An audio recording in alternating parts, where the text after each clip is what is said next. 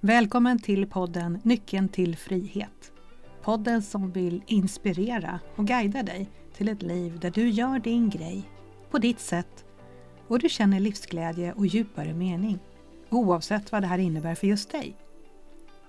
I dagens avsnitt får ni träffa en fantastisk kvinna som på ett underbart sätt kan förklara varför vi inte förstår varandra vi människor och hur vi faktiskt kan göra för att bättre börja förstå och respektera varandra. Idag säger jag varmt välkommen Annika. Tack så mycket. Jag är jättenyfiken på att få lära känna dig lite och veta mer om vad du gör. För jag ser ju dig i flödet på sociala medier och jag ler ju varmt varje gång du kommer upp. Jag tycker du är helt fantastisk. Skulle du kunna börja med att berätta för dem som lyssnar vem du är och vad du gör? Ja, eh, tack detsamma får jag väl säga. Vi har ju följt varandra på Instagram nu ett tag och ja. eh, jag blir också alltid lika glad för dina inlägg, att du tar den introvertas parti och lyfter fram dem och ger många goda råd.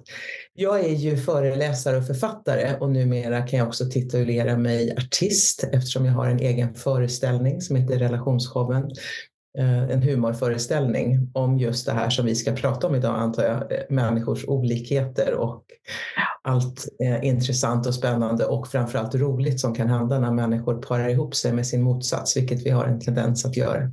Ja. Men, ja, så, men alltså min bakgrund är ju den att jag har jobbat med utbildning i hela mitt liv och var anställd på ett utbildningsföretag i 13 år innan jag startade eget. Men nu har jag haft eget i Ja, det blir ju till sommaren 24 år, så det är ju ganska mm. länge. Så det är, en, mm. det är en lång karriär med att stå på scen och prata och utbilda och förmedla tankar.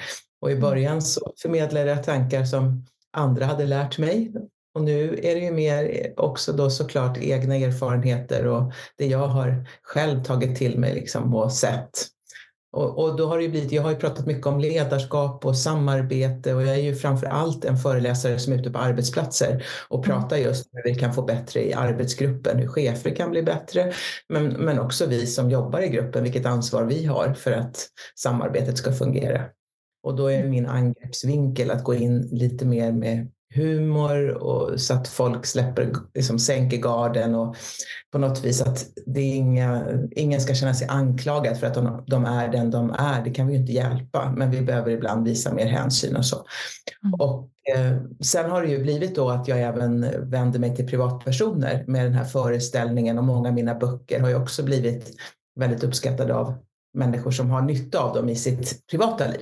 Mm. Så att eh, nu titulerar jag mig också då relationsexpert med mm. lite i ögat. Men jag hjälper ju många till att få bättre relationer. Mm. Och det är ju så viktigt. Och jag tänker de här nycklarna som du kommer med, det kan man ju anpassa verkligen både i företagsvärlden, när man är anställd eller om man är eget och i sina privata relationer såklart, för det är ju ganska grundläggande. Ja, Precis. Och det har ju äh, faktiskt inte slagit fel att jag har ju pratat om de här sakerna i, när jag är på arbetsplatser i säkert över 25 år, alltså hur vi ska få det bättre i gruppen. Och det är ju, jag brukar säga det, att det har aldrig hänt att inte någon efteråt dröjer sig kvar äh, och vill liksom prata lite med mig. Och då vill de ofta prata om sin partner. Alltså det är rätt spännande. Jag, jag har ju inte pratat om privatlivet, men jag tror att många liksom börjar reflektera kring det också. Liksom, vem lever jag mm. med och hur blev det så här? Och vi är ju så väldigt olika och så vill de berätta någonting. Och, så det, jag tror att man har ett behov av ibland av att också få prata om det, hur det mm. är. Det ibland är jobbigt och hur ska man göra? Och, och vi kan ju inte göra om någon annan. Nej, det är hur gärna vi skulle vilja så och många är otroligt optimistiska på den punkten, håller på hela livet och tjatar på sin stackars partner om, eller för den delen retar sig på en arbetskamrat och tror att det ska leda till att arbetskamraten plötsligt en dag vaknar upp och är helt annorlunda. Men det händer ju inte heller. Så att man måste Nej. ju se vad kan vi, vad kan vi göra liksom för att det ändå ska funka. Jag tänker det där är ju, dels tycker jag det är inte mitt jobb att förändra någon annan. Och så det som jag hörde, det är som att äta gift och förvänta sig att någon annan ska dö. Det är, liksom, det är, det är bara jag som tar skada av det. Att försöka ja, gå runt och vara... Bra. Ja, det var bra. Den är lite grym kanske, men den säger rätt ja. bra vad det handlar om, ja. tycker jag. Mm. Men hur är det, jag tänker om man... det, det, för det första så inser man att det är något skav, det är någonting som inte riktigt funkar i relationer oavsett. Och sen, det är klart det kan vara smärtsamt att se, men det måste också vara, som du sa, väldigt skönt att, att få prata om det och sen få en förklaring, att kunna förstå och få hjälp att bli medveten om, jaha, vi är så här, vi funkar olika och få in den här eh, acceptansen och medmänskligheten och se, men vad kan jag påverka och ta ansvar för det? Eller hur reagerar folk? Ja, jo men precis och det är väl det finns ju olika verktyg för att förstå sig på människor. Inget är vattentätt för människor är så otroligt komplexa och jag menar jag använder ju då en modell med färger, alltså Insight Discovery har jag, jobb, jag har jobbat med olika modeller i ja, sen jag började med det här. Och det är väl, jag brukar säga att det är lika många år som min son är gammal. Han blir ju 29 år. Första gången jag hade honom på armen när jag var på en konferens i USA, när jag mm. första gången mötte något som hette Personal Style Indicator, PSI, som kom från Kanada på en konferens. Och sen jobbade jag med det i många år. Sen 2008 så bytte jag till Insights Discovery, men det finns ju olika. Och, och Insights använder ju färgerna. Men den här indelningen i extroverta och introverta och uppgiftsinriktade och människoinriktade människor, så hittar man olika varianter. Och jag vet ju att en del tycker så här, nej men så ska man ju inte göra, för man ska inte dela in människor och sortera dem i fack. Och jag säger, det är så långt ifrån det som jag menar. Jag vill ju få människor att närma sig varandra, att vi ska mm. förstå att vi har tillgång till alla de här fyra temperamenten. Eh, alla har dem i sig, men vi har mm. olika lätt att använda dem. Men ibland är det din, alltså ursäkta svenskan, men förbannade skyldighet att faktiskt gå in och vara lite mer som du inte är för att du behöver det nu i den här situationen eller i det här mötet med den här människan. Men du behöver inte stanna där, för Nej. det kommer du må dåligt av. Men ibland måste du kunna gå in där och, och jag har ju märkt att många skyller ibland på sin personlighet eller sitt temperament eller sina färger och så har man det som en ursäkt Precis. för att inte ta ansvar eller anstränga sig. Och, eh, ja, och det tycker jag är väldigt illa. Så att det är där jag vill få fler människor att skärpa till sig. ja. Men, ja. ja. det är lite mindre bra att ha det som en, lite så här, som en sköld eller som en snuttefilt. Men jag är så här. Jag är faktiskt mm. den här färgen, så du kan inte ja. skylla på mig. Jag har inget eget ansvar. Och likväl att vad viktigt det är att få just den här insikten och medvetenheten. Okej, okay, men jag har inte den här det här röda temperamentet i mig. Men jag inser att den här situationen kräver det av mig. Okej, vad behöver jag för att klara av det och inse att det, det är jag som äger det. Ja, några strategier för hur man går in och gör det här. Och, det, ja. och på samma sätt som den som är väldigt äldre då, eh, den personen kan inte heller skylla på sig, men jag kan inte säga saker snällt och om du tar illa vid dig så du skylla dig själv. Det är ditt fel. Ja, nej men var inte så känslig, det där klassiska mm. exemplet. Mm. Och du säger, nej men jo du kan visst, precis som du begär att andra ska anstränga sig hela tiden för att kunna liksom leva utan andnöd med dig och liksom hantera dig hela tiden så behöver du också anstränga dig lite för deras skull. Mm. Ibland liksom får du tänka igenom hur du säger saker och mm. alla tar inte emot det på samma sätt och folk blir ledsna när du har den där rösten. Alltså mm. att bara och jag säger inte att det är fel att du har den rösten, det kan ju inte du hjälpa. Det är ju ditt sätt att vara på. Men mm. alla är inte som du. Så, så där, liksom, att få fler att börja tänka till lite på det. Men jag tycker ibland att vi är mm. väl hårda mot varandra. Alltså vi är rätt dömande många gånger och, och ungefär hur svårt kan det vara? Den som jag har sagt, hur svårt kan det vara att säga hej på morgonen till exempel? Hur svårt kan det vara? Säg inte ens hej. Och då får jag förklara att en del människor har jättesvårt för det att kan se vara jättesvårt.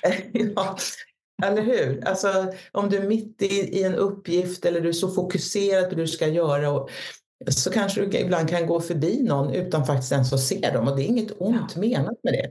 Medan andra aldrig skulle göra det. För de, de ser alltid människan. Ja. Men alla gör inte det. Nej, det och det är inte personligt. Det är det oftast många tar det. det blir, man blir kränkt för att man tror att det är riktat mot mig, men det är inte så ja. ofta det. Men du, det här är jätteintressant de här färgerna. Jag mm. kan ju lite grann mm. om dem, men jag tänker de som lyssnar kanske inte kan. Skulle du kunna berätta lite om vad det här är för någonting? Ja, det är ju ett sätt att beskriva människors temperament och det är bara, man får ju säga det också, att det är en del av vår personlighet, så den vem vi är. Det är så många saker som påverkar det. Jag menar vår uppväxt och miljö och vilka värderingar som fanns och vad jag var med om. Alltså, så att det är väldigt, man kan ju inte liksom beskriva en människa bara utifrån färgerna. Men det är ju ett, en pusselbit som jag har märkt är väldigt relevant att ha koll på, för man får väldigt mycket hjälp av det. Och jag hörde en psykologiprofessor prata på radio, nu fick jag inte med hans namn, vilket jag är väldigt ledsen för, men han sa ju så här, när, just när det kom upp det här, ska man verkligen prata färger? Det var väl någon journalist som var lite kritisk och då sa han så här, att om du hittar en modell som hjälper dig i vardagen, som gör att det blir enklare för dig att hantera människor och dig själv och liksom, då förstår jag inte varför du inte ska använda det. Det är väl Nej. jättebra. Så, så, det blir lite lustigt det där när kritiken ibland riktas mot Men om det hjälper människor, och jag ser ja. ju att det här verktyget hjälper både på privata planet och på jobbet. Men det bygger på att människan har, att det finns i människor fyra grundtemperament som alla har. Och det där är också något man får trycka på, för ibland tror ju en del att nej, jag har inte. Jo, du har, du har visst alla färger. Och de här temperamenten kan man då beskriva med fyra färger och det är ju bara en pedagogisk modell. Det är ofta lättare att komma ihåg en färg i vardagen än om man får en lång beskrivning eller som också kan uppfattas lite grann som dömande eller att det ligger en värdering i om man ska liksom använda ett ord. Folk kan ju tolka ord och ja, beskrivningar mm. på olika sätt. Där ja, en färg är ju en färg. Liksom. Ja, en färg är en färg, exakt. Mm. Och det kommer faktiskt också från Goethes färglära som då menade att det fanns olika energier i färger. Så att mm. Om man nu börjar med det, det eldröda temperamentet så är ju, står ju rött för att det är lite varning, liksom, mm. fara, eller hur? Och liksom, watch out. Så. Mm. Och det är väl bra att tänka på om man är med en människa som har mycket eldrött i sig, för det är ju en person som är målinriktad, drivande, ofta väldigt modig. Jag pratar ofta om styrkorna, liksom, men som mm. aldrig gör någonting om de inte vet nyttan med det. Liksom, vad är poängen med det här? Varför ska vi göra det här? Det, och det gäller privat och yrkesmässigt. Väldigt mm. svår, svårmotiverad om de liksom inte ser att det har en poäng. De gör mm. sällan någonting bara för att vara snäll. Sådär. Det, det är inte så lätt för dem. Utan de liksom, om den här inte hjälper oss överhuvudtaget, varför ska jag göra det bara för att någon ber mig om det? Liksom? Nej, jag mm. tycker det är idiotiskt, så det gör jag inte. Uh, och eh, det är ofta människor, eller det är människor som behöver utmaningar. Mm. Och det brukar ju många som är äldre känna igen sig när de kanske uppvisar det som andra skulle säga är stresssymptom. Du vet när man har för mycket att göra och är utmattade eller liksom bara känner att nu mår jag jättedåligt. Det kan en äldre uppleva när de har för lite att göra. Mm. Eller framförallt när de har för lite som verkligen kräver någonting av dem, där de får spänna bågen. Så det är otroligt viktigt för en starkt äldre person att hela tiden få vara på väg. Och då blir det ju väldigt stressande för dem när andra människor säger till dem, men du måste lugna ner dig, det där är inte bra, det är inte hälsosamt liksom att jobba så där mycket. Eh, och då, då ger man ju råd utifrån vem man själv är och tänker inte på att det här är en person som behöver tävla, behöver utmana sig och liksom hela tiden göra nästan det omöjliga. Mm. Det bästa man kan säga till en sån person är att det där klarar du aldrig. Då tycker de att det blev intressant. Ja, Så där har vi den eldröda, det äldre temperamentet. Och det här att vara en doer och få saker och ting att hända och sätta ner foten och sätta gränser. Det kan alla människor göra. Alla kan ta en konflikt och så. Men det är bara det att en del har lättare för det än andra och mår inte dåligt av det. Mm. Liksom. Och jag brukar ibland när folk säger att jag är nog ganska röd, ja, så, ja kan du vara så, men klarar du av att ha ovänner? Nej, Nej, men då är du nog kanske inte äldre din starkaste färg. För det är signifikant för de som har mest äldre. De bryr sig faktiskt inte så mycket om ifall någon inte tycker om dem. Liksom, mm. Det är väl deras problem. Liksom. Mm. Alltså, de bryr sig om de som står dem väldigt nära såklart och som är deras familj eller liksom närmsta. Så här, det är jätteviktigt. Men om någon random person inte gillar dem eller någon på jobbet, det är, Liksom. Och det, en del människor klarar inte av det. Även om det inte är någon som de bryr sig så mycket om så vill de inte ha ovänner. Nej. Så där har vi det eldröda temperamentet. Sen finns det ett annat temperament som liknar eldröda på ett sätt. För de är också som Carl Jung sa då tankemänniskor. Det som jag då ofta beskriver som uppgiftsinriktade människor. Mm. Den eldröda tänker ju väldigt mycket på vilket syfte vi ska uppnå. När ska vi vara klara liksom, och vad ska vi göra för det. Och den som då är mer havsblå är också uppgiftsinriktad men tänker mer på Eh, liksom vilken metod ska vi använda? Hur ska vi kunna säkerställa att det här blir rätt med kvalitet? Det här är ju människor som är noggranna, analytiska, som alltid gör sitt bästa. Mm. Eh, och det gör ju inte alltid den eldröda. Det är lite mer good enough. Liksom. Ja, men nu, ja. nu är vi klara, nu ska vi vidare. Nästa. nästa. nästa eh, Medans det, och det är därför en starkt havsblå person kan bli väldigt stressad av att jobba ihop med en eldröd. eftersom mm. de hela tiden liksom hastar vidare. Och då mm. tycker en havsblå, vi är inte klara, liksom. vi har inte ens utvärderat det här. Och, och det som skiljer den havsblå och eldröda åt på ett väldigt markant plan är ju att den som är starkt havsblå vill ju verkligen alltid förstå liksom, hur är det här tänkt. Den eldröda tror jag ofta liksom har en bild av vad det här är och är ofta väldigt snabb i tanken och kan liksom mm. se nyttan av någonting och sen kör de bara. Mm. Medan den havsblå kanske inte har fått alla bitar på plats lika snabbt. För de behöver den större bilden. Och det här är något som jag vet att många som är mer äldre på jobbet har väldigt svårt att förstå. Liksom. Och, och, när, de, när de väl inser det här, då lossnar plötsligt samarbetet och så är okej, okay, så jag måste alltså ge information i förväg till den här personen. Ja, det behöver du. Du, du behöver tala om vad de ska ha förberett. Du behöver liksom be att de får liksom mer hjälp med att tänka till innan ett möte. För en starkt äldre kan bli väldigt irriterad på en havsblå som liksom har massa frågor och som de uppfattar kritisk eller mm. ifrågasättande. Men det är ju bara ett sätt för dem att liksom förstå. Vad handlar det här om? Exakt. Eh, och vad är, vad, vad, är tanken med det här? Vad är nyttan med det? Vilken blir min roll? Vad är det du förväntar dig av mig? Och en äldre behöver ju inte ha sådana instruktioner. De bestämmer ju det själv vad du mm. ska ha mig till och hur mycket jag är beredd att göra. Och sen är de väldigt självständiga så och bara så här, ja men då ger jag dig det här. Men en starkt havsblå vill ju alltid göra rätt. Mm. Och, så man blir lite lämnad ibland så här, ja, blir lost liksom. Vad är det egentligen jag ska göra? Då kanske jag inte gör någonting. För att jag inte förstår riktigt vad det är jag ska göra. Mm. Ja, men, eh, och om man är starkt havsblå så är man ju också en person som alltid, det är väldigt förtroendeingivande personer för de skulle ju aldrig svara på en fråga om de inte visste. Um, alltså skulle aldrig... Uh, nej. Utan de, nej, precis. När de svarar så har de ett korrekt svar, annars svarar de inte. De håller inte på och babblar en massa och sprider inte rykten på en arbetsplats och tisslar och tasslar. Liksom. Nej. De, när de säger någonting så är det något som är relevant och stämmer. Och de kan ibland lämna en grupp för att de liksom, om det nu, vi säger en fika på jobbet eller ett möte så, här, så kan de ibland gå därifrån och då tror en del, åh nu blir hon ledsen eller är det, är det någonting nu med honom? Så här. Nej, de kanske bara faktiskt gick för att de hade ingen behållning av det samtal som just nu pågick. De tyckte kanske att ni vet inte vad ni pratar om och då blir jag besvärad och era vägnar. Liksom. Ni pratar ju bara dumheter. Ni har inte koll liksom. Och då orkar jag inte ens gå in i det där, då bara går jag. Mm. Eller så tycker jag att det är rätt ointressant det ni pratar om. Liksom. Eh, mm. Det, ja, det är inte relevant överhuvudtaget och då, då går jag hellre. Sen ibland kan jag behöva vara för mig själv för att bara få lite lugn och ro. För det är så mycket kaos när människor bara kastar olika mm. projekt. Jag behöver liksom samla ihop och se vad det är jag ska göra och skapa min struktur och så.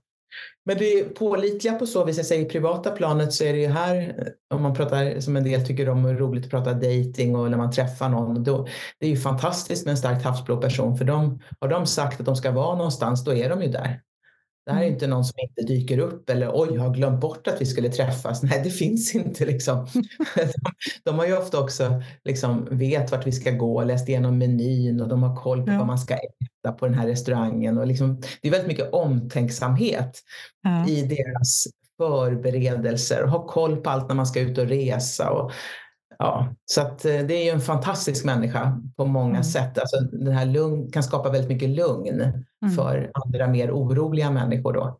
Och ja. kan hjälpa människor att tänka och bena ja. ut liksom, du vet ja. när folk är så här röriga i huvudet och inte får ordning på vad som är upp och ner och liksom i relationer kanske eller mm. något som har hänt. Då kan, då kan det vara väldigt befriande att sitta och prata med en starkt havsblå analytisk person. Som reder ut och skapar lite Ja, och inte bli känslomässigt så här, men gud, nej, vad säger Utan nej. de har inga sådana utspel utan de sitter bara och mm. lyssnar mm.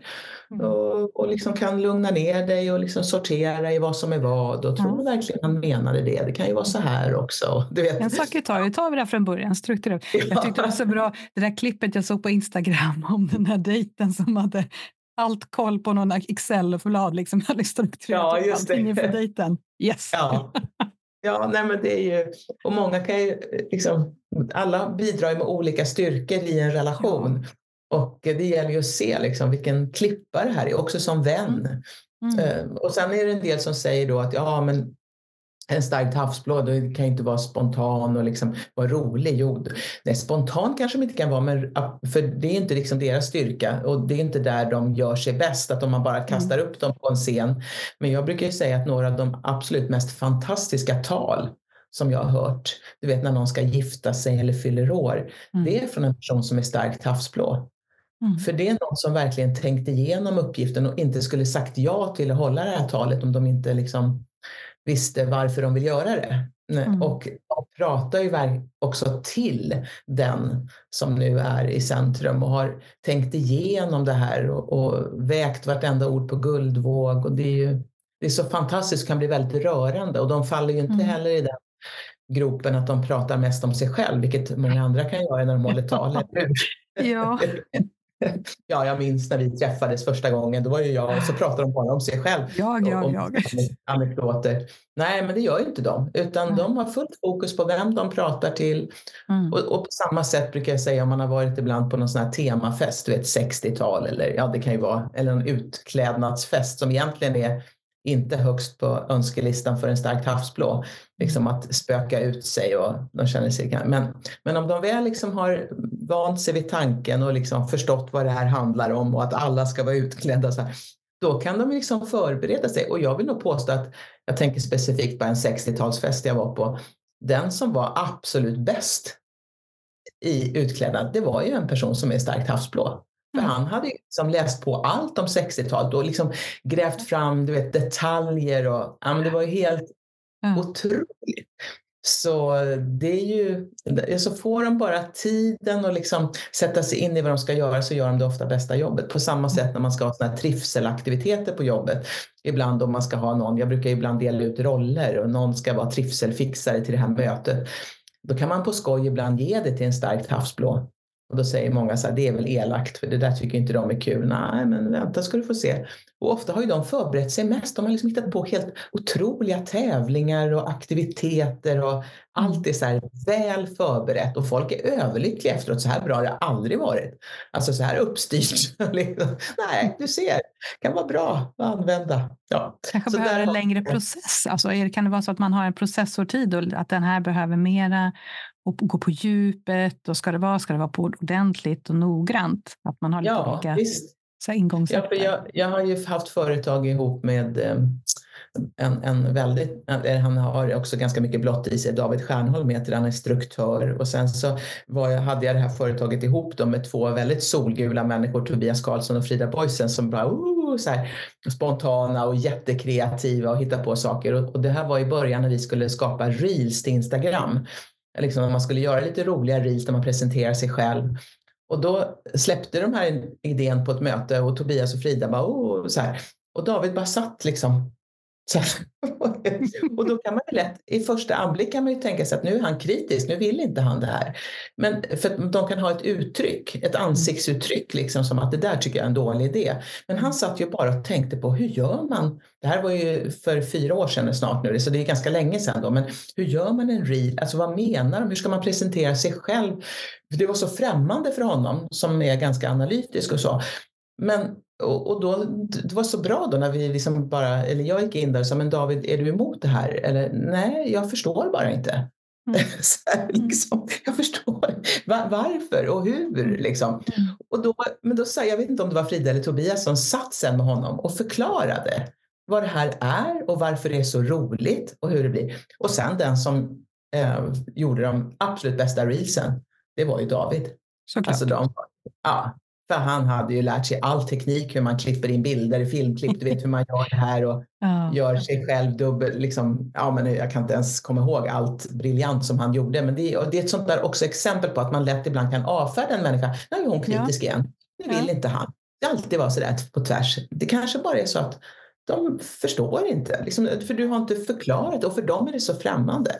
Jag så, tänker att det kan ju vara så här om vi har de här olika elementen med några är, någon är starkare hos en och så är det liksom på något sätt en fabriksinställning som man har i sitt uttryck. Ja. För att det är där jag börjar innan ja. jag förstår och innan jag vet ja. hur jag ska gå vidare. Så att den Just röda det. har sitt sätt kanske och den blå då, havsblå blir, kanske ser då mer avog ut fast egentligen handlar bara om okej, okay, det här är nytt för mig, jag börjar på noll. Hur ska jag orientera mig här? Ja, och så kanske och då folk läser in någonting i det ansiktsuttrycket yes. som då inte stämmer. Mm. Precis, det är så vanligt. Eh, och därför är det ju bra att man kan tala om det för sina arbetskamrater eller i en relation eller en familj. Tolka inte min tystnad som Nej, jag ser ut så här. Eller, eller, liksom, eller att jag behöver bara förstå. Och det där som ni tycker är så självklart och roligt, så ibland, jag fattar inte varför det där är roligt, men liksom, jaha, det kanske det är. Eller så jag, liksom, det, och det är inget dömande i det, utan jag behöver bara liksom sortera i vad som är vad. Mm. Men det är det, du har helt rätt i det. Det är väldigt lätt att tolka en havsblå som mm. kritisk och negativ när mm. de egentligen bara vill liksom förstå. Och det är ju deras, som jag säger, tändvätska eh, på samma sätt som utmaning är det för eldröda. Så det som gör att jag tycker att något blir intressant och relevant för en starkt havsblå, det är ju att förstå. Ja. Eh, och, och de behöver ju ibland då acceptera att det finns människor som inte behöver förstå. Och för en havsblå är det helt... Är liksom, och då går vi över till den starkt solgula. För nu, nu lämnar vi de uppgiftsinriktade människorna, de som är liksom de som hör ihop så. Och så går jag över till de människoinriktade som eh, i första hand alltid tänker på, inte varför man ska göra någonting, utan vem ska göra det här och blir det roligt att göra det eller kommer alla orka? Och hur, hur påverkar det här människorna i teamet, gruppen, familjen? Ja. Och en av de människoinriktade då är den starkt solgula och det är ju den havsblåas raka motsats. Så det där klippet som du nämnde från relationsshowen bygger på det, just det scenariot att en havsblå ofta parar ihop sig med en solgul. De dras ju liksom till varandra. Det är någon magnetism där på något eh, roligt sätt att två så otroligt olika människor faller för varandra. Men, men med facit i hand är det ju inte så konstigt för att de behöver ju varandra. Yeah. De berikar ju varandra och en, en solgud säger ju ofta det att jag hade inte överlevt utan min partner som håller ordning på allt för jag kan inte ha allt i huvudet och det är så skönt att veta att det har han eller hon liksom. Ja.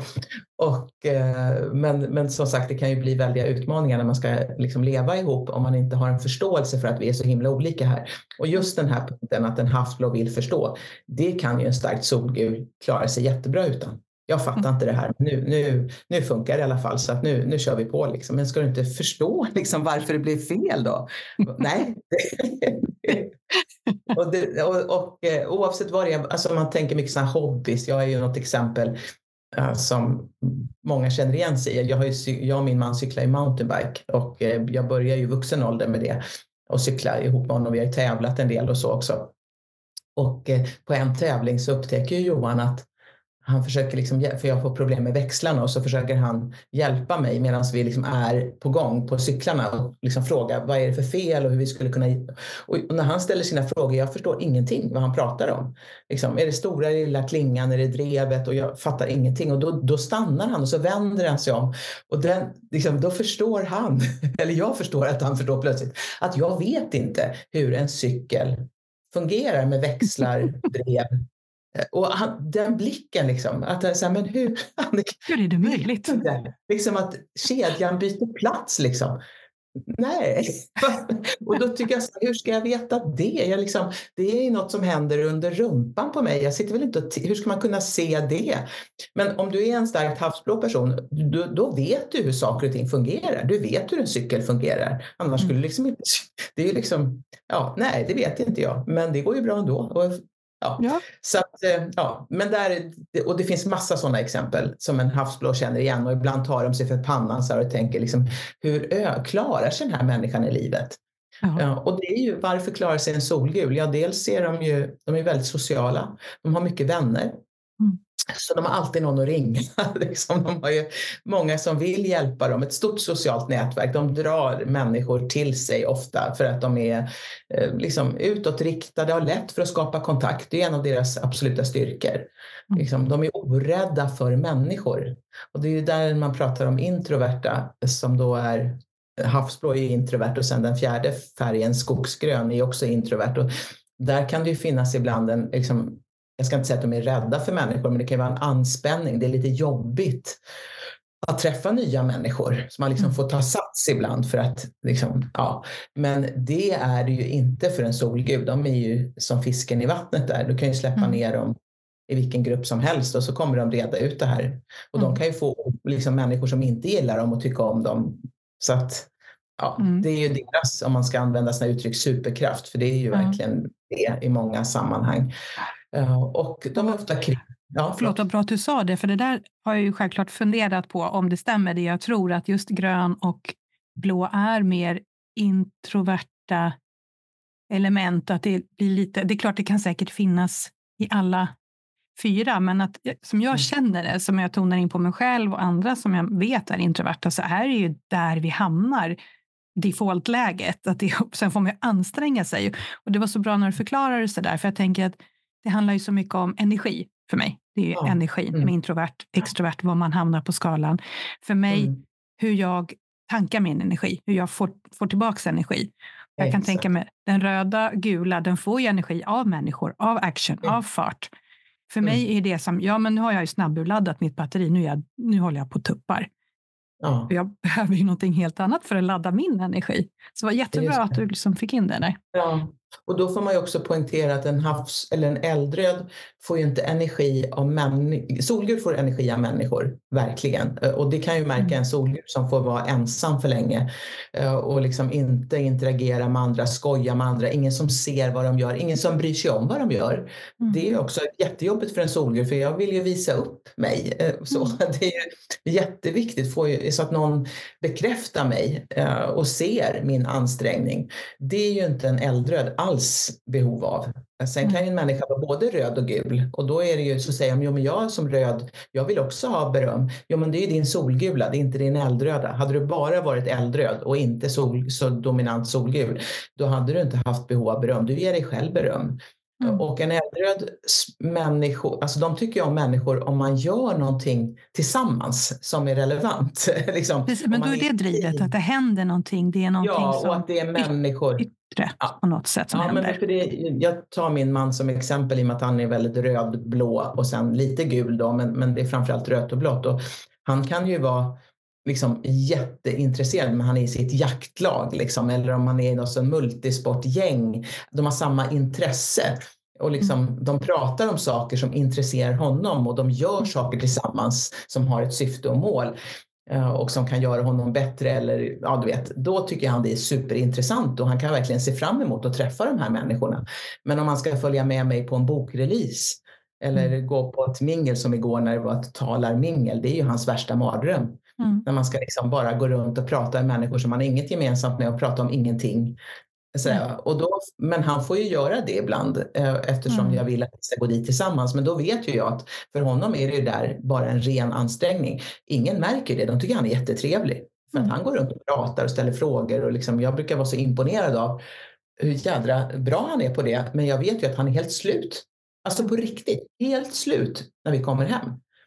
Och, eh, och det där gör ju inte det. Jag, jag gör ju exakt samma sak. Vi är ju precis om någon skulle se oss utifrån skulle tänka så åh vilket extrovert härligt par liksom så här, som går runt och pratar och skojar. Och, liksom så här, och, men när jag kommer hem så är jag liksom, jag är ju nästan hög, jag är ju glad och fått massa Du har ju laddat och han har laddat ja. ur. Ja, exakt. Och, och, det där, och det där fattar inte folk ibland, liksom, att det kan mm. vara så olika. Mm. Men, ehm, så det är ju den solgula då som, ja, mycket idéer, kreativ och, och, och deras tändvätska är just uppmärksamhet. Mm. Det är där och det är liksom så långt ifrån andra som, som man kan komma ibland. Folk kan ju tycka det är jätteansträngande att vara i centrum och ljuset på mig och det tycker inte en solgul. Och mm. de vill gärna visa upp sig, visa upp sitt hem, visa upp sin... Ofta så märker man det med att de gör lite för att det ska du vet, sticka ut lite. Så att det kan vara i klädsel, inredning eller intressen eller ja. Så att, eh, men sen är det ju inte, en del tror ju att en solgul vill ha beröm för allting och, och då får jag alltid säga det att nej men de är inte klart det finns, alla människor kan ju vara mer eller mindre liksom, korkade. Så klart. Men de, om man säger, det är ju ofta en solgul vet ju om du bara, om du bara säger sådär för att liksom ställa dig in. Eh, mm. Utan om jag vet själv att det där var inte speciellt märkvärdigt och så kommer någon och bara säger åh vad duktig du är. Då blir man ju bara irriterad som starkt solgul. Men om du har gjort mm. något sjukt bra på jobbet, liksom verkligen kanske var den som ställde upp och fixade det här projektet och verkligen gjorde allt och sen är det ingen som ser det. Mm. Eh, och det kanske är för att jag har en väldigt röd chef eller en blå chef och de tycker liksom att ja, men det vet du ju själv att du har gjort ett bra jobb, det behöver jag inte tala om för dig. Eller så här. Och då kan du ju tappa mig för att då tycker mm. jag det är helt meningslöst. Ja. För jag menar, ja, jag, jag, måste, jag måste få liksom att andra ser vad jag gör. Så det är solgul. Och sen har vi då den fjärde färgen, starkt skogsgrön. Och det är ju de riktigt trevliga människorna, brukar jag säga. Men varma, vänliga, omtänksamma. Och det viktiga är ju då att poängtera att alla människor har det här temperamentet i sig såklart. Men det är bara att vi har olika mycket av det. Men om du har det så det dominerar i din personlighet, så skogsgrön är din starkaste färg, då märker man det oftast för att det här är en människa som behöver och vill ha harmoni omkring sig. Och det är deras också tändvätska. Mm. Eh, de mår ju som absolut bäst när liksom, människor, de själva mår bra, när andra mår bra, när vi har det fint tillsammans, när vi hjälps åt. Eh, och eh, det, inte, så, och, jag, och det betyder ju å andra sidan att jag då, om jag har mycket grönt i mig, faktiskt mår dåligt av konflikter och Alltså när jag märker att något, någon kanske far illa eller några andra kan, jag kanske inte ens är involverad i den här konflikten, men jag kan ändå må dåligt för jag tycker det är så jobbigt att ni bråkar. Mm. Och där får man ibland se upp får jag säga till många som har mycket skogsrent i sig. De kanske är två äldröda som bråkar. Och det är mm. liksom, de har inga problem med det. De kommer glömma det här imorgon. Liksom, de har inte ens, det, det, bara, det smällde till nu och sen är de färdiga med det. De kanske till och med tycker att det är lite kul att bråka. Och det var, va? Det kan man väl inte tycka. Liksom.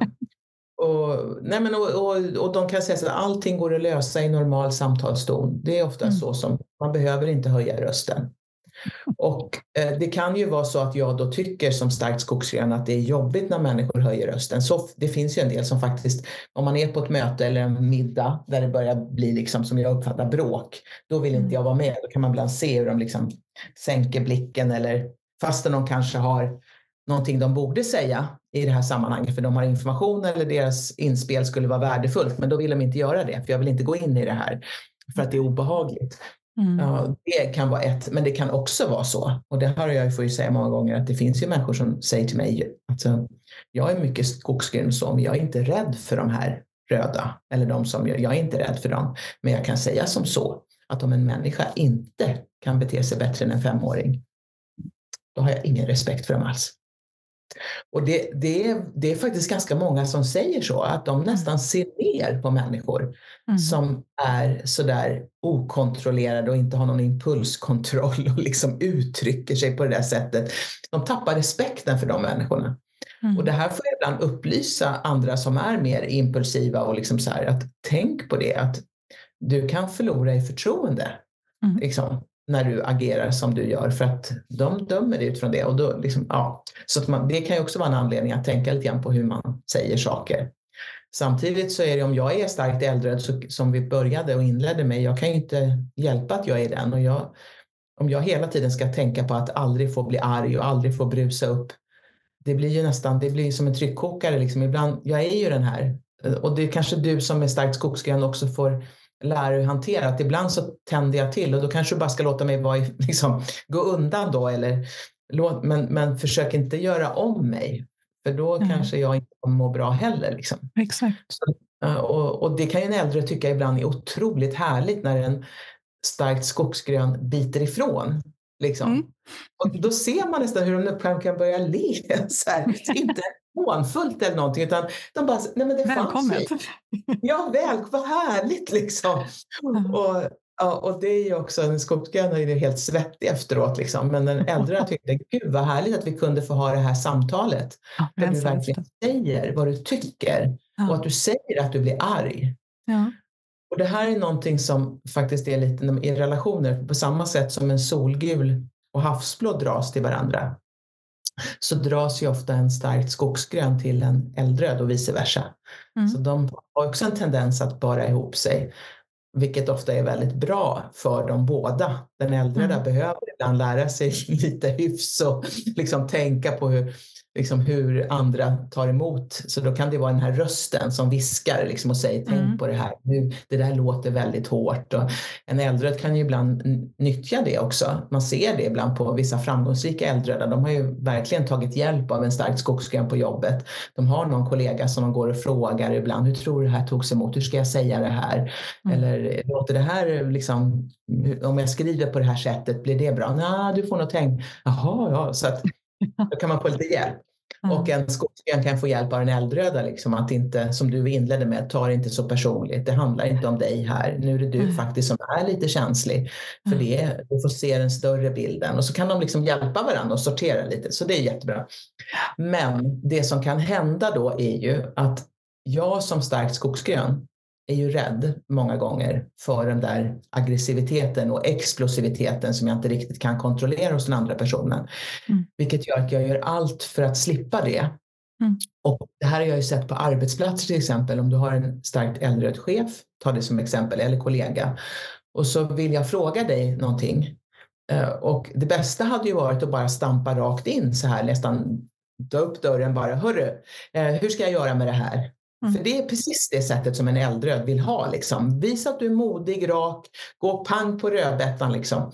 Men det gör ju inte jag som stark skogsägare, utan då kanske jag för det första står och velar lite, stakar mig, eh, står och liksom väger på olika fötter. Hur ska jag säga det här? Och, och sånt märker ju en äldröd direkt, mm. att de mm. står där. Och, liksom, och då blir de irriterade. Det här är det värsta de vet. Osäkra, tafatta människor som liksom inte får tummen ur. Eller liksom så här. Och då, då vill de, jag tror att det är så, att de på något vis vill väcka dig eller få dig att skärpa till dig. Så då liksom kan de ibland säga bara, ja du vet, precis, nu, nu snärtar du till med handen, vi ser ja, det. det ser precis, jag hörs inte sagt. Men liksom, då kan de snärta till på ett sätt, vill du något eller var det något eller ja. varför står du där för? Eller, ja, och det, då blir de ju ännu mer osäkra. Ja. Och, och det där, eh, och så det har jag fått säga till många som är starkt äldröda som har ett kanske skogsgrönt barn eller någon på jobbet säger så här, att Ja, men så här, oh, jag blir så irriterad när de liksom inte får ur sig vad de vill eller bara mm. står där och delar och inte kan ta ett beslut. Uh, jag var på en, jobbade på ett ställe där det var en restaurang. Kocken, inte ovanligt, var ju ganska äldre och så var det någon i servisen som liksom kommer och frågar så här, ska jag ha den här skålen eller den här serveringsskålen och lägga upp det i? För att vill inte göra fel. Eller hur? Liksom, mm. Blå, grön, vill göra rätt, går och frågar. Och han bara så här, tänk själv liksom. så här, och så bara och stod där och vispade i någonting. Jag blev så irriterad, folk har ju inget i huvudet liksom. Frågar om allt. Och då fick jag säga till honom, men vet du vad? Jag tror faktiskt att att de bara vill göra rätt. De vill inte att du ska bli arg, så det är därför de går och frågar. Så om du bara är lite vänligare, om du bara liksom kommer in på morgonen och säger hej, tjena kompisar, är det några frågor idag? Liksom, om du bara bjuder till lite så kommer folk slappna av. Mm, och då kommer de mer självständiga. Ja. Exakt. Så ibland ja. kan du faktiskt locka fram som äldröd precis det beteende som du inte vill ha. Du får faktiskt skylla dig själv Ja. Att du har så många osäkra, osjälvständiga människor omkring dig. Jag tänker det är insikt och kunskap som är så himla viktigt. Och här gör ju du ett jättebra jobb som informerar om det här. För när man väl vet så kan man ju ta helt andra beslut. För det är oftast ja. okunskap. Och jag tänker just på det du sa där med jag kände energimässigt. Om jag då som väldigt, väldigt grön kommer där mm. och så vet jag att det kan riskera att smälla en bomb nästan här verbalt. Någon kan bli så där ja. förbannad då ser jag ju all min energi bara försvann ju. För den gick upp i den här explosionen. För jag pratar mycket energier. För det är mm, verkligen så att då blir jag ju snabbladdad, verkligen. Så mm. undrar om inte det kan vara lite nyckel till varför vissa då, typ som jag, inte riktigt tycker om sådana här explosiva urladdningar när det är konflikter. För att det tar väldigt mycket energi av mig. Och det ja. fyller inte mig, utan tvärtom, då blir jag väldigt urlakad. Ja, kraftlös. Eh, ja. Precis. Uh, och ja, det är exakt så. Och sen, så därför så ska ju vi andra som jobbar med dig tänka på det. Att mm. framföra saker även jobbiga i en varm, vänlig ton och visa att vi liksom ändå tycker om dig, men nu måste vi prata om det här i sak och att vi försöker hålla det så mm. sakligt som möjligt. Sen kommer vi inte alltid lyckas, men då får du vara överseende med det. Men du vet ju att vi ja. runt omkring dig försöker i alla fall mm. och gör vårt bästa och det är ju gott nog och, och så. Mm. Så att, eh, och att man inte på något vis kräver av dig att du får tuffa till dig, men då får ju du bli mer hårdhudad och så där känslig kan du ju inte vara. Så det är ofta de råden man får när man är starkt mm. introvert eller stark i det skogsgröna och det är väldigt elakt att säga så, både till ett barn eller till en partner eller till en arbetskamrat. För det är ju jättelätt för dig att säga.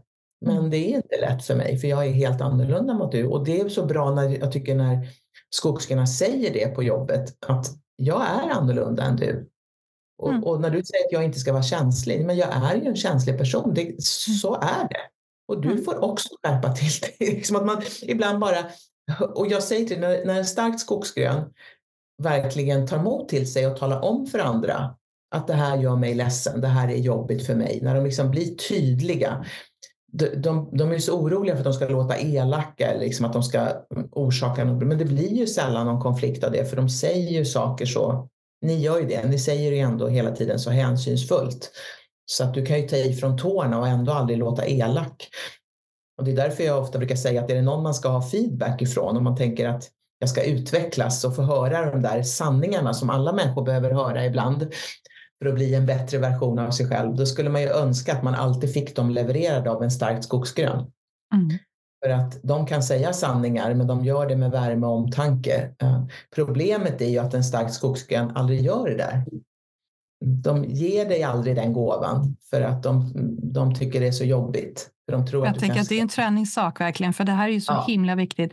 Dels mm. som jag tjatar om det där information, kunskapen om att vi har de här olika elementen allihopa. Ja. Men sen också det här egna ansvaret. Okej, okay, men jag är den här, så här funkar jag. Och vad är mitt ansvar? Mitt ansvar, det är ju då min förbannade skyldighet, rent ut sagt, att faktiskt mm. informera om så här funkar jag, det här behöver jag. För om du mm. inte förstår det och vet det, då är det ju upp till mig att tala om. Det, det ligger, men jag kan inte sitta där med armarna i kors och vara ledsen och besviken för att ingen förstår mig. Nej, men har, jag, har jag gett dem en möjlighet då? Åh, oh, vad bra jag att du säger det. Går ja, åt olika nej, håll det där. Det Ja, och det är ju, det har ju något, det är också ett, en, en sketch, eller om man ska säga, i den här relationsformen som folk brukar skratta så mycket åt, för att, antagligen för att det är så hög igenkänning. Men det är ju när en eldröda och skogsgröna Eh, ska mötas. Jag har ett exempel där när Johan går iväg och köper en öl eh, och, och på när vi ska på konsert och sen kommer med den och, och bara köpt till sig själv. Det är en sån här klassisk eldröd grej. Ja. Och, när man, och, och då och den eh, skogsgröna blir sur då såklart. Liksom, köpte du bara till dig? Eller ja, men hämtade du bara kaffe till dig? Eller gjorde du bara en kopp te till dig? Liksom, hallå, jag gör alltid kaffe till dig, te till dig. Jag skulle aldrig komma på tanken att gå och köpa en öl bara till mig. Liksom. Och, då, mm. och då när man blir sådär stött eller sur, det kan ju gälla vad som helst på jobbet eller hemma, liksom, för man tänker han är bara helt det är bara, han är helt omöjlig. Liksom. Det var, ja. Och då istället för att säga det kan ju människor då gå undan och bli sura eller lite stötta. Liksom. Och det är klassiskt på jobbet att en mm. stark skogsgrön blir så himla upprörd och besviken och arg på den äldre men säger inte det här utan går undan och i värsta fall kanske pratar med någon annan. Mm. Det är tyvärr eh, de som pratar mycket bakom ryggen är många gånger de starkt skogsgröna. Mm. Alltså sorry, men så är det. Det är inte så många gånger äldre som går och skvallrar. Men det, och det är ett sätt också, tror jag, för en skogsgren att ibland bara lätta på trycket för att Exakt. man blir så ledsen och så vill man prata om det här så det behöver inte vara menat som skitsnack. Men det, Nej, det men blir det. det. Vet du vad hon gjorde nu? Eller vet du vad han gjorde? Ja. Nu är det tredje gången. Vet du, bara tar han. Nej. Ja, och så blir det liksom, det är inte fel på mig och då blir det någon som bekräftar mig i det. Ja, så det är en naturlig beteende, men den kan ju uppfattas, och många röda kan ju ta väldigt illa vid sig. Men det jag vill säga då att en äldre ofta till sitt försvar när kritiken kommer fram, liksom köpte du bara en öl till dig, då säger de ofta så här, ja men du sa ju inget. Du har inte sagt att du ville ha. Ibland ska du ha, ibland ska du inte ha. Jag vill ingen tankeläsare. Och den repliken får man ofta, det är försvaret från en eldröd när folk blir sura. Men hur ska jag kunna veta det? Du har ju inte sagt något. Och då kan den säga, nej, inte sagt något, nej. Uh, för då tycker jag så här, det borde du faktiskt förstå. Det hör jag ofta skogsägare säga, både om sin partner på jobb, men det borde faktiskt min chef förstå. Vi har jobbat ihop så många år. Och, och, då kan man bli bekräftad av någon annan stark skogsgren. Ja, verkligen. Nu lägger jag armarna i kors, det ser inte ni som lyssnar. Men ja, det borde verkligen, efter alla år, borde de faktiskt ha förstått det. Det är väl ändå liksom grundläggande. Och det där, det, det jag liksom verkligen vänder mig mot det, för att alla har inte förstått det där. Liksom, och, utan då får du säga. Eh. Du måste säga ifrån. Säg att nu har jag hämtat kaffe till det här mötet eh, i en månad eller nu är det din tur att göra det. Eller vet du vad, jag, tycker, jag, tar, jag blir ledsen när jag alltid gör det här för dig och när jag ber om en sak att du inte kan göra det tillbaka till mig. Och så säger man det och då brukar ofta de äldre bara så här, åh oh shit liksom, gisset, det har inte jag ens tänkt på. Ja, det har du rätt i, sorry. Liksom. Och de har inte tänkt på det. Nej, för det var... sällan det är av, av elakhet, det är inte därför. Nej, nej. Och det var så roligt. I somras så var min man med på en, med på en så här eh, en tävling som var till sjöss. Så han var, han var vad heter det för någonting? Båtförare. Så han körde en båt och, sen, eh, och alla de, de var swimrun-tävling, liksom. One water race. Så han körde båt och så går han på den här stora, jättestora båten där hela tävlingsledningen är och så går han ner för trappan i den här båten och där sitter hon, jag tror att det är hon som är chef för hela, liksom, håller koll på alla monitorer och allting. Hon sitter där nere och sitter och följer tävlingen på tv-skärmar. Och då har Johan varit där uppe i, där de har kaffe och kommit ner med en kaffekopp så här. Så han kommer ner med en kaffekopp och då tittar hon upp och säger hej och han vill ju bara se vad som händer på skärmen. Och liksom hur går det i tävlingen? Vad är det hon ser? Hur ser det ut här nere? Han är ju jättefokuserad på uppgiften. Och då tittar hon upp och säger hej och så säger han oj, fanns det kaffe där uppe nu? säger hon. Och då berättar Johan för mig när han kom hem sen så här. Och vet, vet du vad jag gjorde då? Så, så, nej, vad gjorde du? Då gick jag upp och hämtade en kopp kaffe till henne. Du vet, och han var så nöjd. Ja. men det var ju någonting, på tal om att lära sig. Ja. För att för några år sedan, då hade han inte noterat att det här var en önskan från henne att också få kaffe. Men hon satt ju låst vid skärmen. Mm. Och istället för att säga, Gud, har du kaffe? Kan du hämta kaffe? Kan du också gå upp? Hon är inte en människa som gör det. Utan hennes sätt att säga det här var ju, finns det kaffe? Mm, och innan hade han bara, ja det finns det. Hur går det här då? liksom. Men vad härligt när vi kan börja förstå och, få kunskap om sånt här. Vilken förändring ja. vi kan få faktiskt i våra relationer. Exakt. Ja, och det, för en annan människa är det där självklart. De är ju så, ja. En skogsägare är ju så lyhörd för såna här signaler hela tiden och läser ja. av och verkligen läser tankar mm. och liksom förstår att nu fryser nog hon eller nu vill nog han inte att vi ska prata mer om det här eller mm. nu behöver vi backa. Otroligt med tentaklar ute, tentakler ute hela tiden. Och det är många människor som inte har den förmågan. Uh, och då ska Nej, det där var bra. Förmåga mm. som du säger, för jag tänker att för, det är väl ganska viktigt att försöka se det som superkrafter, det man har. Det man liksom, mm. jag brukar säga komma hem till sig själv, kan låta lite högtravande, men jag, som jag ser det handlar om att hitta in igen till den vi redan är här inne skala av det vi har fått på oss genom livet och allt vad det kan vara. Så att vi verkligen kan stå i dem vi är och äga vår mm. egen skit, som man brukar säga också. Det som, det som mm. växer i oss, ta hand om det så att vi kan verka och göra det som vi är här för att göra. Mm. Och också insikten om att andra är olika, kunskapen om det och jobba på den här förståelsen. Det tycker jag är superviktigt. Ja, och det är många som inte vet, som aldrig har tagit fram sin personprofil eller gjort det här som vi gör då när vi jobbar med människor och låter dem ta fram det och lära sig mer om sig själva. Och det är ju för att man ska sluta, det var lite grann rimmar ju med det du säger, att man ska sluta fred med sig själv och börja mm. tycka om sig själv. Ja. Att, för många är så rädda, alltså, och det är ju så roligt ibland när jag säger du borde ju verkligen ta fram din personprofil, säger jag till någon ibland så här. Nej usch, usch säger en del så här. Det vill jag inte. Och då är, man ju, då är det ett tecken på som jag säger, att det där är en människa som inte riktigt är trygg i sig själv, som mm. inte är grundad. För om du är rädd för att ta reda på vem du är, då är det verkligen en anledning att du ska. För att det mm. finns inget hemskt att upptäcka där. Uh, utan alla människor har skuggor och det är liksom mm. skav som du säger. Men det är väldigt bra att våga se dem och framför mm. allt se det du är bra på. Och ja, precis. Se det här är, du, har, du har sådana förmågor i det här. Ja. Eh, och se det inte som något som du ska be om ursäkt för. Det är väl fantastiskt att du är så bra på att läsa av och känna stämningar. Du kan göra sån skillnad. Du kan mm. hjälpa så många människor om du bara omfamnar det här. Och sen ibland vet att där måste du stå upp för dig själv så att inte folk kör över dig. Och det Precis. är ditt ansvar.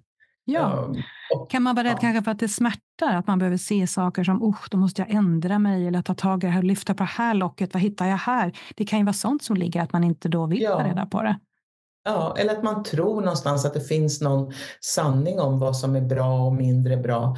Och vi som jobbar här är ju så fullt medvetna om att det finns ingen färg eller kombination av färger som är bättre än några andra. Det man kan se är ju att för vissa jobb så kan du ha en fördel det kan ju vara lite lättare rent energimässigt om du mm. jobbar som säljare och ska träffa nya människor varje dag. Att du är lite mer extrovert och, och liksom tycker om att tävla och jämföra dig med andra och liksom träffa nya människor. Det är klart att då är det väl lite lättare att vara extrovert, men jag säger ju inte att du kommer lyckas bättre för det. För jag har ju sett introverta säljare som har varit de absolut bästa för att de har koll på alla detaljer. De liksom är så noggranna i förberedelser och argument och de håller koll på vad de har lovat och följer upp mm. så att de mm. kan ju ibland sälja mer. Men det är klart, de betalar ett högre pris för att ja. de får ständigt vet, Ja, ja, exakt. Så att, och, för det har vi inte sagt och det, nu måste jag säga det för det vet jag att en del som har, har liksom lärt sig färger lite ytligt sådär inte vet. Men de tror att om du har lite av en färg så är du inte så bra på att använda den. Och det där vill jag verkligen ta död på, den myt, mm. för det är en myt. Det, alltså, du kan ha lite av en färg och vara absolut bäst i klassen på det. Jag har ju träffat ekonomichefer som har jättelite havsblått. Men de har liksom, eller talare som är lite solkomiker, som egentligen inte är så solgula. Men de är helt fantastiska på komik och underhållning eller ekonomi då, eller vad det nu kan vara. Eller du kan vara jättebra på liksom, vad heter det, förhandling fast du inte är så mm. eldröd. Du har väldigt lite av det, men du har lärt dig. Du har mm. lärt dig teknikerna. Det var ju där vi började egentligen, så att man ja. kan hitta strategier och förhållningssätt. De har verkligen lärt sig hur man mm. går in och är det här och de är de bäst i klassen. Men det enda skillnaden är att de blir mycket tröttare. För det tar mycket mer av deras kraft. Precis, att stå på scen, gå ut och förhandla, tävla, prestera. Exakt. Jätteviktigt mm. att du sa det. Det där är ju både skönt ja. att höra och samtidigt, ja, det är en stor förklaring till som sagt det här med energierna, varför en introvert kan bli så extremt trött. Ja, det, det, är inte det att jag inte kan ställa mig upp och prata inför massor med människor, men jag vet att det kommer kosta mig energi. Ja. Det är precis den förklaringen. Men sen om du tränar på det, och det säger många introverta också, att de har gjort det sen så många gånger. De har hittat strategier för det, de vet hur ja. de ska förbereda sig, hur de ska lägga upp det och nu blir de inte lika trötta. Nej. För att nu har de gjort det så många gånger, det är inte lika stor anspänning. Eh, eller sociala aktiviteter. Så här, nu gör jag det, och det är inte, det är inte liksom, men det kommer aldrig vara något som liksom jag går in och tankar energi ifrån. liksom, det är aldrig så att jag längtar efter att träffa nya människor. Juhu! Nej, mm. så kommer det aldrig bli. Men det tar inte så mycket av min kraft, för jag har, jag har hittat strategier. Och jag Exakt. Har, mm. Strategin att hitta sitt sätt att fungera. Och, att, och det är jättebra att veta att även om jag nu kanske inte har så mycket av det så betyder det inte att jag inte kan briljera just där. Men hur Nej. vet man då var man är och, och Alltså man är, kan ha kombinationer och man har lite av varje. Hur gör man om ja, man är nyfiken? Där är människor också, en del är ju eh, jättehärliga för de är så komplexa så att det finns, man har ju en medveten profil och så har man en mindre medveten profil. Och jag har ju träffat människor ibland som har en medveten profil som är motsatsfärger. Så de kan se så här röd och grön i sin medvetna. Det är lite mm. spännande. Ja. Eh, så de är både väldigt drivande men de är också otroligt omtänksamma om människor. Liksom de, de ska tävla så vill de tävla i grupp. De har alltid med sig teamet. Liksom. Det kan vara produktionsledare eller du vet, tränare så där, som är idrottstränare som har det där mm. väldigt där, mål. Och, och, men vi gör det ihop, liksom. inte själv utan tillsammans. Och sen har de det i sin medvetna och sin mindre medvetna så är de havsblå och solgula. Mm. Och jag fattar ju, för då har de liksom helt, de har täckt upp alla färger. De är så superkreativa som man säger. Från liksom går in. Och det, jag kan ju förstå att en sån människa kan säga det där med färger förstår jag mig inte på, för jag är allting. Liksom. Man kan ju inte dela in människor. Och det är så roligt för att eh, ofta när någon säger så, så är det ju en person som är väldigt liksom, antingen komplett eller komplex, vilket du vill, men som har, täcker upp väldigt många färger. Mm. Och, och, då får jag säga det till den personen, ja men det här är du, men alla är inte som du. Mm. Jag har min man, 98 procent äldre till exempel, som dominerar. Han är inte alls som du. Så, även om Så man kan, återigen, du kan liksom inte ha det själv som norm och sen säga att ja, men man är ju en på jobbet, en annan hemma. Så är väl alla. Man är ju lite av allt. Eh, inte alla, en del, men inte alla. Men hur tar man reda på det då? Finns det så här sidor på nätet eller hur gör man? Ja, alltså för det första kan man ju bara börja med att lära sig mer om, läsa på lite om färgerna. Det finns ju mm. böcker mm. och man, det finns ju beskrivningar på nätet och man kan se filmklipp. Jag har ju lagt ut ganska mycket på min Youtube-kanal så man kan liksom se det här och känna igen sig själv liksom, och antagligen se vilka färger som jag har mest av. Så mycket kan man ju bara göra genom att lära sig mer och börja reflektera, ställa ja. frågor till andra också. Ja. Hur uppfattar du mig? Eh, liksom, för att det är också stämma av. Stämmer min bild av mig själv med hur du ser mig? Och då ska man ju fråga människor som man får ärliga svar av. Mm. Alltså människor som vågar vara uppriktiga och som känner mig, sett mig, vi har jobbat ihop länge eller vi har levt ihop länge sådär. Och, men mamma, du är ju sådär. Barnen kan ju ofta du vet, ge sanningar till en så att man, man liksom jämför med ja. andra också. Men det är inte säkert att jag alltid har visat upp hela mig heller för andra och det är ju många som säger det att alla vet inte att det finns här inne det finns så mycket mer, jag har inte visat Nej. det. Liksom. Och jag kanske inte så, visste det själv heller, tänker jag ibland. Nej, precis. Men jag har ju ett, eh, man kan ju ta fram sin personprofil, men det är ju ofta en, om man ska göra det på riktigt, eh, en riktig analys, då är det ju en, en, ett pris man betalar. Men mm. de här är ju en tjänst man köper. Uh, så det är ju, jag tror att vårt är det 2000 kronor. Jag tror att de ligger någonstans där. Uh, men mm. det går ju att göra som privatperson. Men ofta får mm. man ju det genom företaget. Men då får man ju verkligen skatta sig själv och sen så får man ju en, en, profil tillbaka. Men man kan göra lite enklare varianter på nätet. Det finns ju en del mm. gratis personlighetstest. finns det ju någon som heter.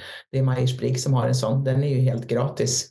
Eh, men då får man Ja, men där är inte så mycket färger tänker jag. På. jag Nej, då är det ju, då måste man få beskrivningar. Man får känna igen temperamenten där i alla fall. Ja, jag tänker introvert, extrovert och, och man, ja, den biten kan man ju hitta där.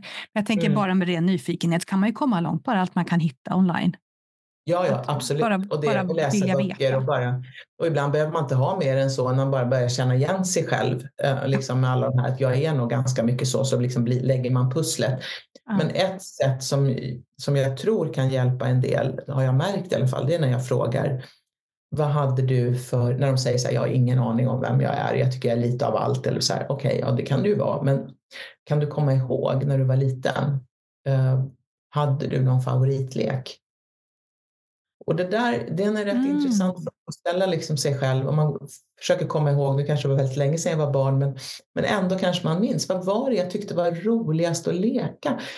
För leken säger väldigt mycket om det vi var inne på med energier, vad jag, häm, vad jag tyckte var roligt, vad jag hämtade min kraft, vad jag liksom samlade ihop mig någonstans. Om man tyckte om att lägga puss. Många som är starkt introverta har ju ofta haft lekar som är lite mer så här skapa kanske eller lägga pussel, så här pärlplattor eller bygga saker, konstruera. Oh, jag skrattar igenkännande. Ja, Vad hade du då? Jättebra eh. fråga. Ja, men herregud, pussel och bygga lego och allt det här. Det var ju alltså, mm. introvert så det dånar om det. Så det ja. är en jättebra fråga för en ledtråd. Ja. Och sen om du frågar, eh, någon kanske säger så här, ja men jag hade mycket så här fantasifigurer eller ah. utklädnad och uppvisning. Jajamän, det också. Eller, och då, då kan det ju vara med det här solgula, att man ville liksom visa, alla lekar skulle ha en publik. Det var jätteviktigt. Det skulle bli en uppvisning, roliga timmen. Det var liksom att man skulle stå där framme. Det var jättekul med roliga timmen. Och sen kan det vara någon som tycker att ja, men de häftigaste lekarna det var så här röda vita rosen, man gjorde så här det förbjudna, rymde, de drog iväg och, och det är också så och typiskt. Kulja. Kulja. Mm. Och då är frågan, var det lekar som skulle vara i grupp eller vill du göra egna äventyr? Mm. Var det viktigt att liksom hålla på med idrott och tävla? Var det på individnivå eller var det i grupp? Mm. Så att man kan ju få en del led. Väldigt bra ledtrådar. Social varelse. Men vi har ju ett annat exempel som jag tror just mellan extrovert och introvert som jag tycker är väldigt bra. Och det är det här eh, som många brukar känna igen sina barn i också, eller sig själva. Tänk dig att du är på en, le en lekpark och massa barn håller på med någon lek, kanske kull eller de spelar boll eller de gör någonting. Och så kommer ett eh, introvert barn, alltså hur känner man igen ett introvert barn? Är nyinflyttat kanske Och bara för att jag är introvert, jag är inte asocial. Jag vill ju också vara med i gruppen såklart och vara delen. Så att de kommer ner med sin cykel, cyklar ner då till lekparken, så kanske har mamma eller pappa sagt nu får du också gå ut och leka lite. Det är jätteläskigt för jag känner ingen. Men jag är inte, det, jag kanske ändå är liksom, jag är inte rädd så, men jag vill ju, då ställer man sig med sin cykel och tittar. Kanske står lite vid sidan av. Och så står man liksom och tittar, vad gör de här barnen för någonting? Vad är det för lek? Vad är det för regler i den där leken? Liksom?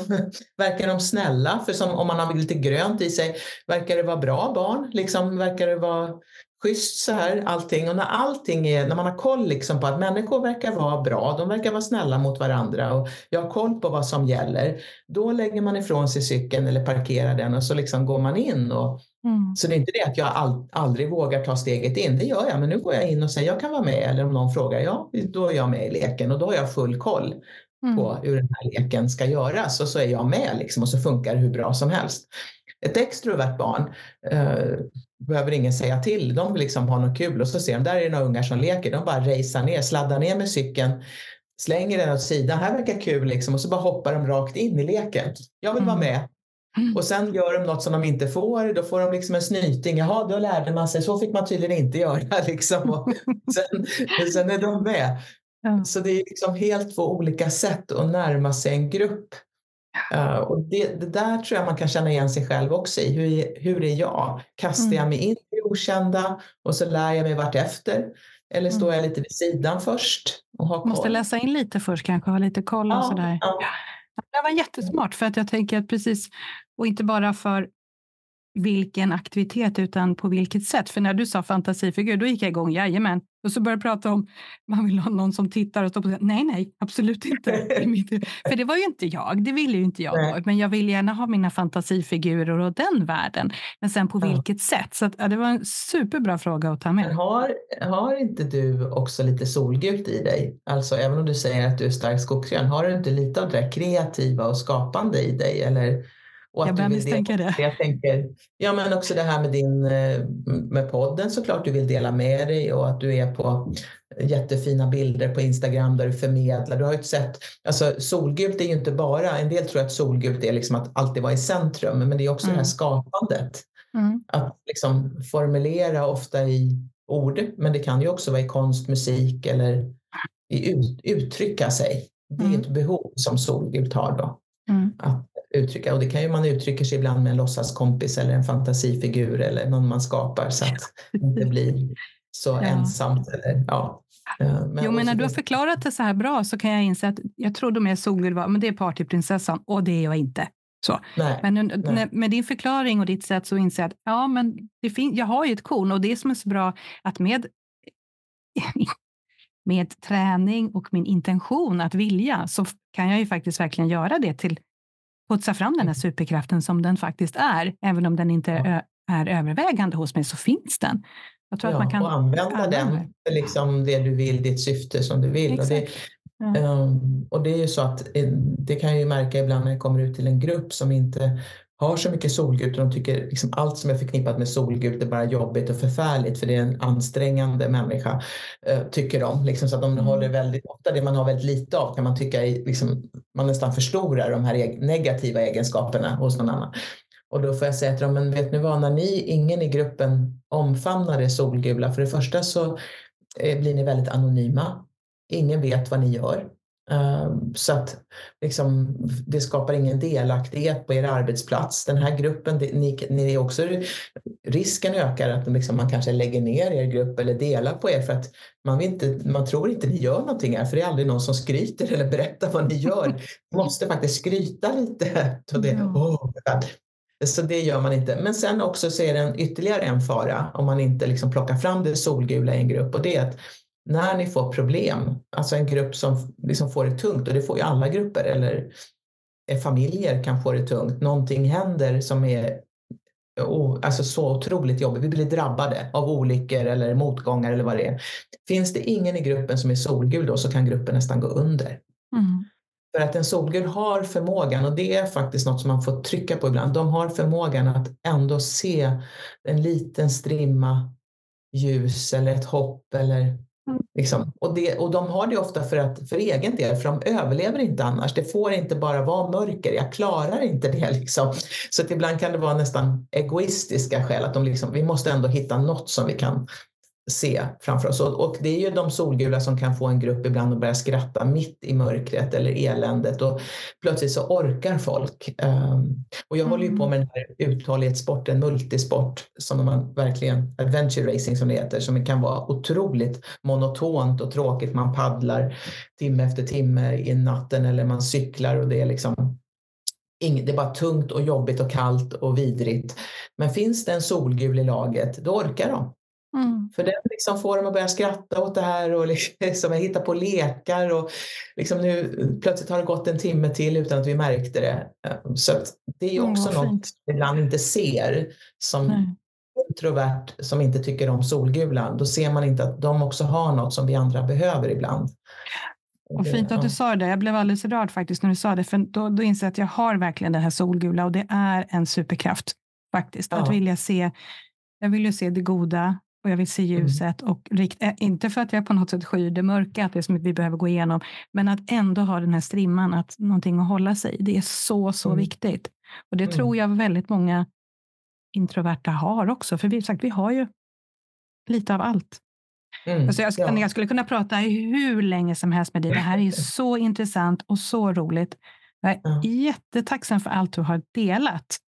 Mm. Så jag skulle först vilja säga, kan du komma tillbaka till podden en annan gång? Jag skulle, nej, det finns så mycket frågor i mig. Det är så mycket jag skulle vilja ja, men fortsätta gör det. prata Förbered och tänk igenom om det är något som du liksom också vill prata om kopplat till yrkesval, relationer, barn.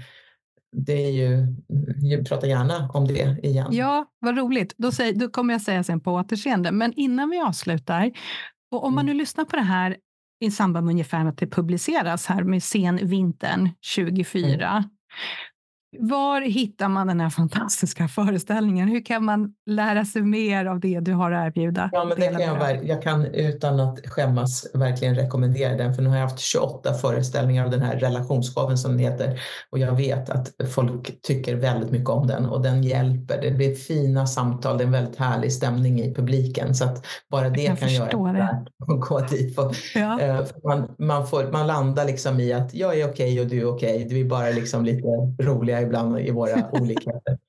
Så att, eh, och den, eh, om man söker på relationsshowen.se så kommer man till de tider som är i vår. Vi har fyra mm. tillfällen i vår eh, som Härligt. den spelas i Göteborg, Malmö och Stockholm och Nyköping. Så Underbart. Att, kommer, ja.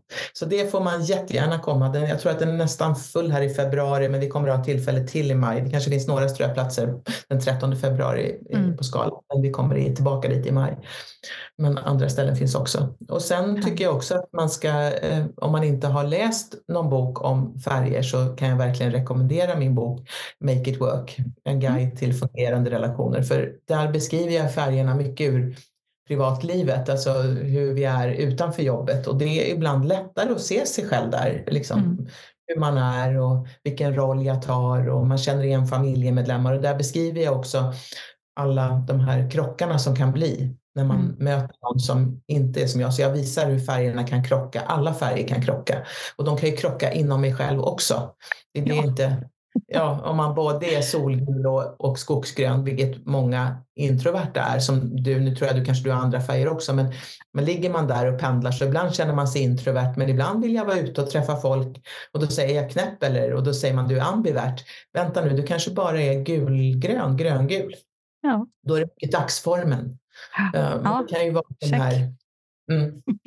det och, då man, och, då kan, och det ska man ju veta när man har de två färgerna att ibland kan folk tycka att man är nästan lite oärlig. Det har många sagt att andra spelar bara ibland. Förut ville du vara med, nu vill du inte. Tyckte du inte det var kul förra gången? Jo, men då var jag liksom på en annan plats. Nu behöver jag... Exakt. Och, det, och det är också bra att kunna förklara för andra. Så att de här in, inre krockarna kan vara bra att ha koll på och kunna förklara för andra också. Mm. Så där kan jag verkligen rekommendera. Mm. Vad härligt. Ja, det gör jag också. Jag rekommenderar din föreställning och dina böcker. Det, alltså, för det, det, det du har att komma med det är så viktigt. Och just när man mm. kan göra det med humorn. Fantastiskt. Mm. Det blir så mycket igenkänning och precis man har sänkt garden lite grann så man vågar ta in och inse att ja, vi är alla okej okay, precis som de vi är. Så ja. tusen, tusen tack för idag och så avslutar jag då med återseende, på återhörande. Gärna på återhörande. tack så hemskt mycket för idag. Tack. Hej då. Visst var det intressant att lyssna på Annika?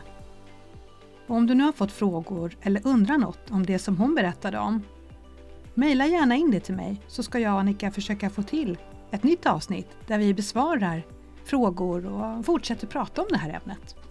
Den här kunskapen som veckans poddavsnitt handlar om, det är något som jag tycker att alla skulle må bra av att ta del av. Så dela gärna avsnittet med andra så att fler kan börja förstå varandra och på så sätt får vi en mer kärleksfull och välmående värld.